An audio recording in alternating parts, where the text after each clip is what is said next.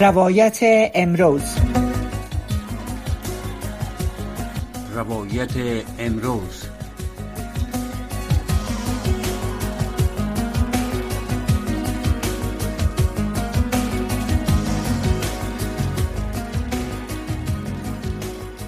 بینندگان محترم شنوندگان محترم سلام. نجیبه خلیل هستم میزبان برنامه این ساعت روایت امروز. امید است که شبها و روزهای خوبی را سپری کرده باشین و باز هم پیش رادیوهایتان نشسته باشین. کسای تلویزیون دارن و ما را مشاهده می‌کنن. و یک برنامه دیگه گوش بدین.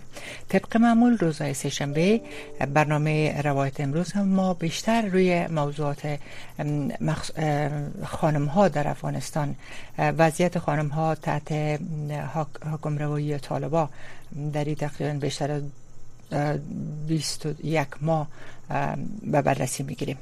در این برنامه امروز ما از خانم شهلا فرید دعوت کردیم که در برنامه باشه. ایشان استاد فاکولته حقوق استاد پیشین فاکولته حقوق و همچنان فعال جامعه مدنی و فعال حقوق زن هستند. خانم شهلا فرید سلام به شما. خوش آمدین به برنامه.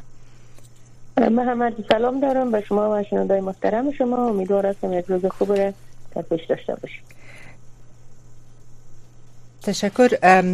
خانم فرید گرچه که خب بیشتر ما علاقمند عزیزیم امو روال برنامه است که بیشتر موضوعات زنا را به بحث بگیریم که البته ای کار خواد کردیم اما من می‌خوایم اول از امی گزارش اخیر ملل متحد شروع کنم که این گزارش نگرانی ها را از, از افزایش گروه های دهشت افغان در افغانستان نشان داده و گفته که البته خبر داده این گزارش. و همچنان خاصتا در اشاره کرده به گروه القاعده و گروه داعش. و در بخش القاعده گفته که به فعالیت های عملیاتی خود گفته که ای از افزایشش گفته که تلاش می‌کنه که در این مورد در فعالیت های عملیاتی خود گسترش بتن. به نظر شما این گزارش چقدر نگران کننده است؟ من سلام مجدد درد می‌کنم. ببینین وقتی یک کشور داره قانون نباشه وقتی یک کشور روابط بین المللی خود تنظیم کرده نتانه و روابط خود با همسایه ها تعریف کرده نتانه و حفاظت از سرحدات خود نتانه در ضمن در مقابل گروه های دهشت افغان چون خودش قبلا یک گروه دهشت افغان بوده و فعلا به قدرت رسیده اونا دوست دسته و همچنان افراد از بین از اونا با, با طالبا هست از بین طالبا با با القاعده و با, با داعش هست. لذا یک تعریف اینا از مخالفین خود ندارن یا تعریف از تروریستان ندارن و موافق با تعریف بین المللی تروریسم هم نیستن. لذا این امر سبب میشه که امروز افغانستان افغانستان تحت حاکمیت طالبا یک پناهگاه خوب بر القاعده و داعش باشه. با که ظاهرا طالبا تعهدات که در رابطه و خطر نبودن خطر از آدرس افغانستان و دیگر کشورهای جهان خاصتا امریکا دارند مطابق به قرارداد دوحه اینا امضا کردن ظاهرا اینا تعهد خود نشان میتن و ظاهرا نشان میتن که ما این گروه ها را در مخالفت با اینا هستیم و حرکت های اینا در داخل افغانستان حرکت های دشت افغانیشان مهار می‌کنیم. ولی هیچگاه تا هنوز نتانستن این ثابت کنن که اینا می‌تونن مهار کنن فعالیت های نظامی و فعالیت های دشت افغانی القاعده و داعش در داخل افغانستان. این نه تنها امروز یک طرف یک حراس برای افغانستان که در منطقه ناامن تبدیل میشه و شاید نقطه شود که از اونجا ضرر بر تمام کشورهای جهان برسه امروز خطر کلان بر امسایه های افغانستان داره خصوصا امسایه شمال افغانستان. امسایه از شمال با افغانستان سرحد هستند همچنان سرحد بین چین و افغانستان و کشورهای آسیای میانه اینا کشورهایی هستند که امروز از انکشاف دهشت افغانی با حضور گروه القاعده و داعش سر دارن. و در داخل خود افغانستان هم هنوز اینا با حملات خود ادامه میتن هنوز نتانست که اینا رو مهار بسازه طالبا چنانکه خود از بین بردن رهبر رهبر القاعده در داخل افغانستان خودش یک, یک گپ کلانی بود که تا هنوز اونا حضور داره. بله. لذا من فکر می‌کنم که تا فعلا طالبان تعهداتی که در توافقنامه دوحه داشتن به نسبت امنیت از افغانستان به دیگر کشورها او را نتونستن عملی کنن و نمی‌خواین هم که عملی بسازن بله. خانم فرید شما گفتین که ظاهرا طالبان نشان میتن که اینا مبارزه می‌کنن علیه از این گروه ها. اتفاقا این موضوع مورد بحث قرار گرفته با تحلیلگرای دیگه. و اونا یک پوینتی را که اشاره کردنی بود که امروز در جهان امروز که تکنولوژی قدر پیش رفته ما ساتلایت یا ماهواره هاست کمره هاست که از دیده میشه یعنی آیا فکر نمی‌کنین که امی گزارش به خاطر کی نشر شده؟ یکی از دلایلش ای باشه که اینا واقعا می‌بینن فعالیت های گروه دهشت افغانی را در داخل افغانستان. یک و دیگه ای که همونطوری که شما شنیدین بار بار طالبا این مسئله را رد کرده موجودیت گروه دهشت افغان در افغانستان رد کردن و اصلا به حساب اطوری که نگرانی هایی که جهان نشان میده کشورهای آسیای مرکزی گفته همسایه شمال افغانستان نشان میده یا منطقه که گویا افغانستان یک جای ناامن است گروه های دهشت افغانی است و نگرانی ها موجود است. ایره همیشه دیدن که طالبا کم جلوه نشان داده و حتی رد کرده که وجود ندارن. مثلا در قسمت داعش حتی گفتن که یک تعداد بسیار کم است که دیده میشه. اما باز در عین زمان امی داعش در اخبار امارم میشنیم که اخیرا مخصوصا مسئولیت چندین حمله که اینا علیه طالبا انجام دادن به عهده گرفتن. بنان چطور می‌تونه که یک چیز پنهان باشه و جامعه جهانی به این باور کنه به گپ طالبا که ما یا ظاهرا که نامتون نشان میتن شما گفتین. بس ببینید تکنولوژی پیشرفته امروز را ثابت می‌سازه که این فعالیت ها در داخل افغانستان در جغرافی های سیاسی برنامه افغانستان موجود است و این فعالیت ها در داخل از موجود است. و این را مستند می‌سازه تمام امون دستگاهی که هنوز فضای هوایی افغانستان نتونست تحت تسلط طالبا قرار بگیره و طالبا قادر هم نیستن که حریم هوایی افغانستان است در تسلط خود داشته باشن امکان داره موجودیت از اینا در داخل افغانستان و دسترسیشون به بعد از سیاره های نظامی و همچنان تیارهای ملکی در داخل افغانستان در آینده های بسیار نزدیک خطرات بسیار قوی را برای جهان ایجاد کنه و همچنان خود تیاره روبایی یا که یک جرم بسیار کلان بین است امکان داره او واقع شود. چون خود افراد در بین طالبات که با اینا شریک هستن چون این گروه ها گروه هایی بودن در ابتدا یک جای بودن آیسته اینا با تغییر بعض از اهداف خود اهدافشان یکی است. فقط اینا با هم متفاوت که میشن. عمل کردهایی که در رابطه به اهداف خود داره اینا هم اینا را گروه های جداگانه می‌سازن در کل وقت اینا به یک هدف می جنگن به یک هدف مبارزه می‌کنن و می جنگن و غیر از خود غیر از گروه خود که مسلمان میگن و میگن ما بر اسلام جهاد می‌کنیم دیگه هیچ گروه دیگر اینا قبول کرده نمی‌تونن زمانی که اینا پراگنده هم میشن ولی از لحاظ فکر خود از لحاظ عقاید خود اینا تحت مدیریت قرار دارن که واحد فکر می‌کنن و هدف مشترک دارن. از این سبب نمی‌تونه طالبان صد مخالف از قرار بگیره. این که بعضا مورد حملات قرار می‌گیرن هدفشون طالبان نیست. چون زمینه برشان مساعد میشه ملیت هایی که در افغانستان فعلا طالب با اونا موافق نیست که داخل افغانستان باشه و حرکت هایی که در آخر طالبا برام انداخته که پشتین های از بین پاکستان پشتین هایی که بیشترشون طالبای پاکستانی هستن خانواده از را انتقال میشه به طرف شمال افغانستان. خود این ادغام سازی قومی که صلاحیت از بدست یک حکومت مثل طالب نیست در افغانستان عملا جریان داره.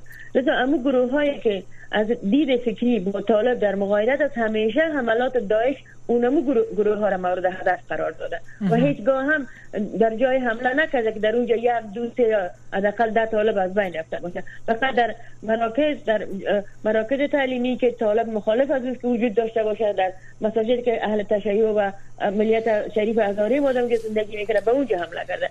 لذا من فکر می‌کنم حملات القاعده و داعش در داخل افغانستان به هدف از بین بردن طالب نیست. فقط به هدف مشترک خود ندارن که نمی‌خواین اون کسا در داخل افغانستان باشن به عنوان یک انسانی که در جغرافیای بنام افغانستان سالها زندگی کردن و تولد شده و سرزمینشان است با زندگی کنه حرکت های از اینا مخالف هست مثلا من فکر می‌کنم در راپورم اگر که مستقیم سر از این موضوع حرف زدن نشده ولی من فکر می‌کنم که راپوری را نشان میده که طالب یک نوع همکاری غیر متجانس با گروه های دهشت افغان در داخل افغانستان داره که امروز افغانستان فضای مناسب بر از شما اشاره کردین بر گفتین که خانواده را انتقال میده به سمت شمال. گرچه که اینا مشخص تا حالا هنوز نساختن ولی امی تبصره ها دیروز هم در یکی از بحث ها بود که گفته می‌شد که زیادتر خانواده و مخصوصا جوانا را گفتن که انتقال داده میشه به سمت شمال و یک و دومی که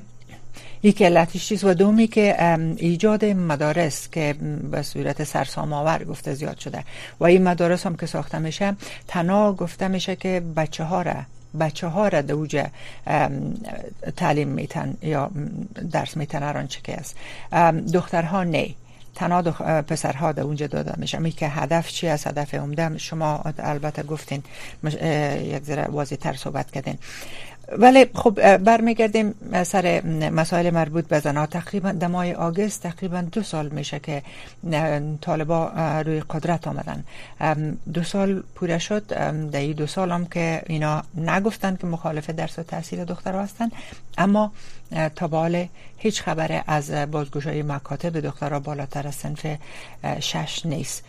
دانشگاه ها همچنان و مسئله کار زنا البته یک تعداد خانم هایی که مثلا نیاز برشان موجود است از شفاخانه ها و اینا و یک تعدادی که اینا رو وقتی که میگن میگن که مثلا در مطبوعات ببینین خانم دختر خانم ها هستن کار می‌کنن. در وزارت داخله کار می‌کنن یا در شفاخانه ها کار می‌کنن. اما در مجموع به صورت کل خانم های دیگه فعلا اما طور که گفته برشان شد که تا امرسانی. این امرسانی تقریبا دو سال میشه حالا هنوز امرسانی از امرسانی خبر نیست. چه فکر می‌کنین؟ ببینید من ایسم جهان عمل کرد می‌بینه شورای که افغانستان کمک می‌کنه خصوصا سازمان ملل متحد خصوصا بخشای کمیشنری حقوق بشر سازمان ملل متحد. بیشتر عمل کردن می‌بینن یا بیشتر بیان را که طالبا بیان می‌کنن؟ عمل طالبا میره نشان داده که اونا مخالف تعلیم زنها هستن. کمتر از دو سال میشه که در مکاتب داری دخترها بسته هست و یک نسل جوان افغانستان که دو میلیون دختر جوان بود که تا ده تا ده یازده و دوازده امروز اونا از بین رفته رایستن امروز یک تعدادشون به مشکلات روانی دچار شدن و یک تعدادشون به ازدواج های اجباری برده میشه و هیچ خانواده دختره که به سن 15 تا 17 سوره به وضعیت حاکمی که در افغانستان است با خود نگاه نمی‌کنه و بیشتر میره لازم می‌بینن که اینا باید ازدواج کنن. و در اون ازدواج های دخترها رضایت ندارن. اینا در ظرف دو سال یک نسل که آماده آموزش مدر ما را از دست داده رسیم و این عملکرد طالبایی را نشان میده که این کار انجام شده در افغانستان. پس عملکرد دو سال طالبایی را نشان میده که طالب مخالف تعلیم تربیت زنه ای که ظاهرا اونا میگه ترس است که از مردم دارن که مردم متحد نشه با می حرف خود مردم پراگنده ساختن مردم از اتحاد جلوگیری می‌کنن که بر علیه از تصمیم از اونا قرار نگیره. اگر اینا به بیان میره واضح بسازن و عملشان هم واضح است مردم خود به خود یک حرکت مقابل از اینا انجام میده. اینا به خاطر که عوام فریب بتن یا امو جامعه عوام مردم افغانستان فریب بتن و تعهد خود بری داشته باشن که ما مکاتب باز می‌کنیم و مردم منتظر هدیه است نسل جوان و دختر افغانستان تباه شده میشه. لذا من فکر می‌کنم که بهتر است به اون نقطه بر نگردیم که چون دروغای طالبا واضح هست هر عمل کرده که انجام میده تصاویرشان از بالا گرفته میشه تصاویر نشر میشه ولی اینا میگه ما نیستیم. القاعده در افغانستان نیستیم ما هم نیستیم. پس اینا کی هستن که در داخل افغانستان عمل کرده انجام میده اما تو این عمل کردشان هم عین گپ هست فکر کن یک دختره که سنف چهار فاکولتی حقوق بود و یک سمستر از او باقی مانده بود یک سال میشه او فاکولته نمیره و هیچ امیدیم برای باشدن فاکولته دوباره برای از او نیست. شما این دختره چه قسم تصور می‌کنین؟ شما فکر کنید ما شما خود ما اولاد خود به اونجا قرار بودیم فکر کنیم که عملکرد طالبایی نشان میده که یک نسل تباه شده در افغانستان. بله. من فکر می‌کنم دیگر نباید به حرف های طالبا باور صورت بگیره.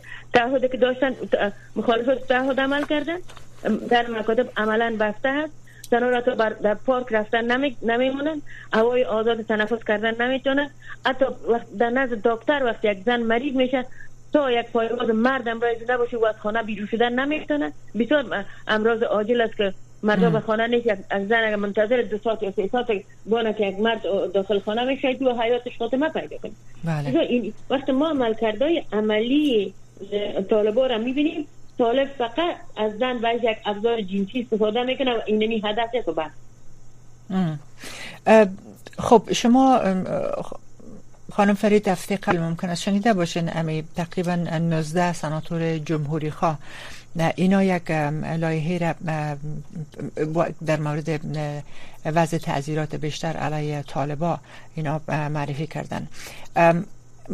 معلوم دار این تصامیمشان بیشتر خب البته چیزهایی که باید طالبا انجام میدن خواستای که اینا یا توافقاتی که در توافق یا چیزهایی که در توافق دوها توافق نامه دوها اینا به امضا رساندن که میگن عملی نکردن دو جمله چیز عمده. امی مسئله احترام به حقوق زنا بود و ایجاد که یک حکومت همه شمول و همسال اینا رعایت حقوق بشر حقوق آزادی های مطبوعات و چیزا. اما بیشتر نقطه تمرکز از اینا زیادتر مال سرمی است که تقریبا نصف قشر جامعه که زنها تشکیل میده. یا که گفتم میشه یک ارقامی که داده میشه 20 میلیون نفوس افغانستان اینا به اصطلاح به احساس که اما که ادعا میشه کنار زده شدن حقوق از اینا حقوق مدنی و انسانی از اینا از پیشون گرفته شده. بیشتر امی آلگی تصامیم اتخاذ میشه مثلا تعذیرات وضع میشه بر از اینا. ای که تا هیچ کشوری به رسمیت نشناختشانه ای امی مسائل است. این ای اقدامات چقدر می‌تونه تا حال خود دو سال یعنی تاثیر تاثیر گذار نبوده. اما آلی اقدامات نویره که شما می‌دیدین و شنیدین چقدر موثر می‌تونه واقع شود؟ خواهی فکر کنن که تعهدات دوها یا توافقنامه دوها تنها توسط امریکا عملی شده رئیس و طالب یک پایین از عملی نکرد. فقط قدرت گرفت و زندانی های از توسط امریکای قبل از آمدنشان آزاد شد و اینا تقویت کرد و بالاخره اینا به قدرت رسیدن و قدرت برشان داده شد. و آن وقت توافقات دوها از طالب عملی نمیشه نمیفهم چرا امریکا متحد برای عملی ساختن از که 40 میلیون دلار وارد نام همکاری های حقوق بشری میشه. که اصلا یک یک تنتازو هم برای کسی که ضرورت از را داره که باید برسه یا نوع خدمات در اونجا ارائه شود که او به نوع جامعه بحران زده افغانستان از بحران نجات بتنید. او کلش به جیب طالب میره او کلش به تقویه مدارس میرن. اینا در هر اولسوالی در حدود 100 200 مدرسه را ایجاد کردن که تمام نفوس از ولسوالی می‌تونن در مدرسه درس بخونن این پول اینا از کجا می‌کنن مدرس را که اینا از پاکستان وارد می‌کنه آیا اونا رایگان تدریس می‌کنه که نمی‌کنه؟ از این پول فقط به اهداف خود استفاده می‌کنه طالبان. پس اگر اینا عملا تذیرات وضع می‌کنن اول خب مثل خود طالب اینا هم توافقات دوها را دیگه عملی نکنن. چون یک طرف عملی شده رئیس به نفع طالب است و به ضرر مردم افغانستان از دیگه قطع کنن 40 میلیون دلار هفته 40 میلیون دلار وارد افغانستان نشه. باز ببینین که طالبات چقدر تغییر می‌کنن. حداقل دیگه نمی‌تونن مدرسه ایجاد کنن. حداقل دیگه نمی‌تونن مدرسین بنیادگر پاکستانی را وارد افغانستان کنه و تدریس کنه. و شما پنج سال بعد شاید جوانی که ده ساله بود شما پنج سال بعد دور یک پانزده ساله می‌بینید که او متحد به انتحاری کردن است تعهد به انتحار کردن خود داره و مادرش هم دعا می‌کنه که هر لحظه زودتر برش موقع میاثر شود که فرزند ما خودم انتحار کنه. پس هر فردی که از اون مدرسه خارج میشه نه تنها ضرر افغانستان است بلکه به ضرر جهان است. شما بدانید که به ضرر جهان هم تمام میشه. امروز اگر یک برادر در افغانستان من برادر دیگه امریکا آمده. برادر از وقت در داخل افغانستان به طالب تبدیل میشه به یک انتحاری تبدیل میشه. شما رو بدانید که برادرش که در امریکا هست تاثیر از قرار می‌گیره. و این یک سایکل را اینا تای کرده رویسن که اگر دوام پیدا می‌کنه و تغییرات قوی تر نمیشه و به حاکمیت طالبا در افغانستان با همکاری خود مردم افغانستان یا همکاری شما مردم افغانستان گروه هایی که مخالف از اینا هستن. از بین بردن نمیشه. شما پنج سال بعد شاید در افغانستان یک نقطه بسیار مشکل تحملش بر جهان بدانید. که بازو شاید سالهای دیگر در بر بگیره که تا افغانستان دوباره به یک کشور به وضعیت عادی از و خارج شدن نفوس افغانستان شما می‌بینید. همه روزه در بیرون از افغانستان به شکل قاچاق بیرون میشن مردم چه رقم تلفات میتن اینا کلش مشکلات است که عملا جهان دیده را تماشا می‌کنه عملا متحدین قبلی افغانستان می‌بینن و تماشا می‌کنن. عملا او کسایی که دموکراسی رو در افغانستان آوردن حقوق بشر در افغانستان به ما آموختن و ما و ما دوام دادیم اهداف از اینا را دموکراسی در افغانستان پیاده کردیم آموزش دادیم حقوق بشر امروز از دورترین قریه افغانستان ما تهدید میشیم که توری که برای ما حقوق بشر در حال ما می‌فهمیم که حقوق بشر مخالف اسلام است. شما ببینید ما 20 ساله که در افغانستان کار کردیم برای آموزش حقوق بشر در دورترین قریه های افغانستان ما رفتیم برای مردم حقوق بشر در داریم و اونا از اقل یک ایده بینشان ایجاد شد. و آهسته از بین رفت. 20 سال کار ما وقت به یک شب برش نقطه خاتمه داده شد. اینا باور کنیم که در پنج سال شاید هیچ فرد در افغانستان باقی نمانه که متمایل به یا بحث علاقمند بحث حقوق بشر باشه. بله. اونا اما قاعده داره که طالب داره. خانم فرید شما پیشتر به ای اشاره کردین به که هفته 40 میلیون دلار روان می‌کنه. منتها ایره شما می‌فهمین که امریکا بارباری رو گفته و بسیار به صورت جدی که ای پول که روان میشه هفتوار برای مردم افغانستان است برای مردم نیازمند است. ای اصلا به دست طالبان نمی‌رسه و اونا کسایی که مسئول هستند در که این پول دریافت کنن و برای مردم بتن اینا بسیار جدی جدی هستند در این مورد که مطمئن شوند که پول به دست طالبا نرسه. ایره می‌خواستم براتون بگم بین برگردیم در قسمت امی اعتراضات زنا در افغانستان. البته همطور که جسته و گریخته می‌بینیم یک تعداد از محدود از خانم ها می‌برن در ولایت افغانستان دست به اعتراضات می‌زنن اما یعنی زدن در گذشته بیشتر اما محدود شده رفته. به خاطر از اینکه میگن که خب اما یک تعدادی که مبرامدن و پیشگام می شدن سر و صدای خود بلند می‌کردن اینا بازداشت شدن از طرف طالبا و یک مدت یا گم بودن و بعد از یام که اگر رها شدن با اصطلاح اینا دیگه سر و صداشون خاموش شد. دیگه اینا جرأت نکردن که صدای خود بکشن. و گفتم میشه که اینا مورد شکنجه قرار گرفتن در و برشان گفت تهدید شده بودن. خودشون تنها خودشان بلکه خانواده هایشان ولی هم فعلا دست به اعتراضات خانگی می‌زنن از خانه. شعارها را می‌گیرن صدای خود بلند می‌کنن. یک اخیرا سه چهار روز پیش یک زنای معترض و مدافعین حقوق زن یک کارزار کمپاین از طریق آنلاین شروع کردن که البته سر و صدا خود بلند کنن و به جهانیان مطمئنا خارج از افغانستان. این چونین کارزار چقدر شما فکر می‌کنین؟ به نظرتان مفید واقع خواهد شد. ببینید فقط یک, صدای زنای افغانستان از افغانستان بیرون میشه. او زنه که امروز متضرر است او زنه که امروز قربانی سیاست های طالب است. ولی ای که شما بگوین کدام تغییر در وضعیت داخلی افغانستان به وجود میاره عملا وقتی اینا بروی سرک برآمد تغییر آوردن نتونستن. حالا این صداها هیچ هم نمی‌کنه و متاسفانه حمایت این صداها که در بیرون از افغانستان بود او هم آیسته آیسته رنگ, رنگ میته و آیسته آیسته از بین رفته رئیس و در بیرون از افغانستان هم زنها بسیار پراگنده عمل می‌کنند. متحدانه نتونستن صدای زنای داخل افغانستان حمایت کنند. و صدایی که داخل افغانستان بلند میشه به نوع زنایی را که بیرون از افغانستان اصلا اینا را می‌گفت که شما شما هیچ صدای بر ما نیستین. یعنی باور بر عملکردهای زنایی که بیرون از افغانستان است هیچ کس در داخل افغانستان نداره. لذا حمایت هم در بیرون روز به روز رنگ خود از دست میده کم رنگ شده میره. ولی من فکر می‌کنم که چنین کمپاین هایی که در داخل افغانستان در سوشال میدیا میشه خود مردم افغانستان امروز کمترین امکان استفاده از سوشال میدیا را دارن. روز به روز محدود شده میشه.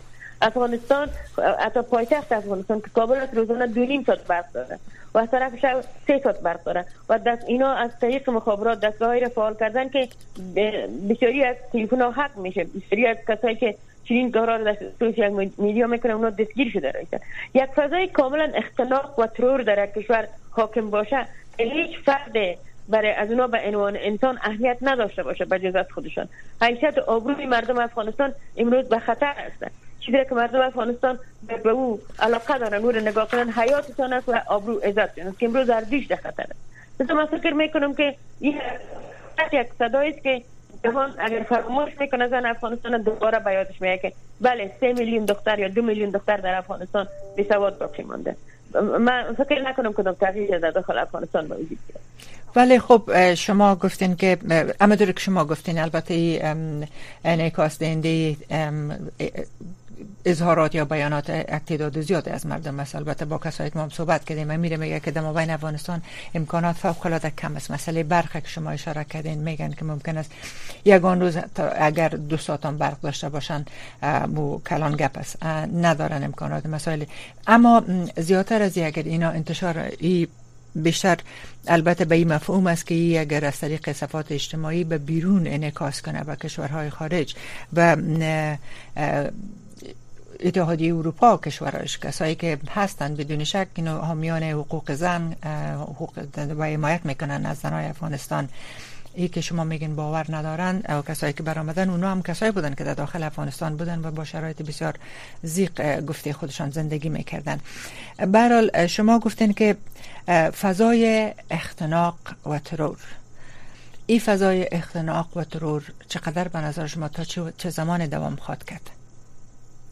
من فکر میگم تا زمانی که طالبا به می آسود خاطری حاکمیت می‌کنن تا زمانی که کمک هایی که برای مردم افغانستان صورت می‌گیره و هیچ نوع نظارت از این کمک ها صورت نمی‌گیره یا نهاد در داخل افغانستان موجود نیست که نظارت کنه که آیا کمک هایی که برای کمک های بشری از در داخل افغانستان به مستحقش می‌رسه یا خیر شما بینید که یکی از قربانی های حملات انتحاری که در افغانستان سالهای تقریبا 2010 در اثر یک عمله انتحاری اینا دست پای خود از دست داده چشمای خود از دست داده. تمام فقط یک یک قسمت از بدن از باقی مانده. جوان شاگرد مکتب بوده در عمله انتحاری امروز نان خوردن نداره. او مستحق درجه اول ولی طالب این کمک را بر از اون نمیرسانم میگه تو تو چرا این رقم شدی؟ وقتی میگه من مطالب مکتب بودم ده سال پیش من 15 ساله بودم که مورد حمله قرار گرفتم. در بین حمله قرار گرفتم و بین هم خودم هم خواهرم این حالت داره. ولی او او کمک بر از اون نفر نمی‌رسه. بر از اون زنه که امروز شوهرش در جبهه برای آزادی افغانستان جنگید برای آزادی برای دموکراسی جنگید برای برابری جندر در افغانستان جنگید. امروز خودش شهید شد. ولی امروز زن اولاد از طالب کمک نمی‌کنه. میگه شوی در مقابل ما جنگیده. شما فکر کنید پس کمک های بشری به چی می‌رسه؟ به مستحقینی را مطمئن باشین نمی‌رسه و هیچ نظارت مزی من شخصا خودم هر قدر کوشش می‌کنم که خودم متقین برای این بسازم که کمک های 40 میلیون دلار من میفهم که در آمریکا روان نمی‌کنه. 40 میلیون دلار پولی که جهان بر مردم افغانستان روانش می‌کنه.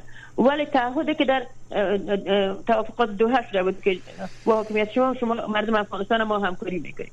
ولی این سوال فعلا به مردم افغانستان نمی‌رسه خود جلو از گرفته شد در غیر از اینی وضعیتی که در داخل افغانستان است ادامه می داشته باشه فکر کنید فعالیت های یونیسف که سالهای سال است که معرف افغانستان کمک می‌کنه در هر حالته در حاکمیت مجاهدین در حاکمیت پیش از مجاهدین در زمان حاکمیت حزب دموکراتیک خلق افغانستان و تا به امروز یونسکو معرف افغانستان همکاری کرده. در چاپ کتب در ایجاد تنخواهی کمکی که تن شاگردای بیرون از مکتب کمک کرده.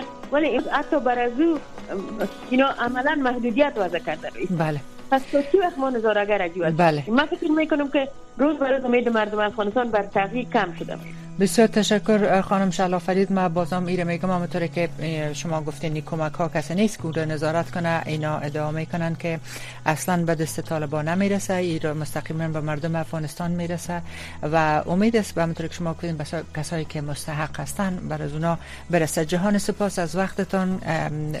انشالله باز در برنامه آینده با شما صحبت خواد کردیم. خب تا چند لحظه برنامه روایت امروز در میجه به پایان می‌رسه. تا چند لحظه دیگه برنامه ستاس و غگی صدای شما شروع میشه که انشاءالله با اتفاق همکارم. ما این برنامه رو باز هم با شما خواد بودم. برنامه رو پیش می‌بریم. تا چند لحظه دیگه منتظر باشید.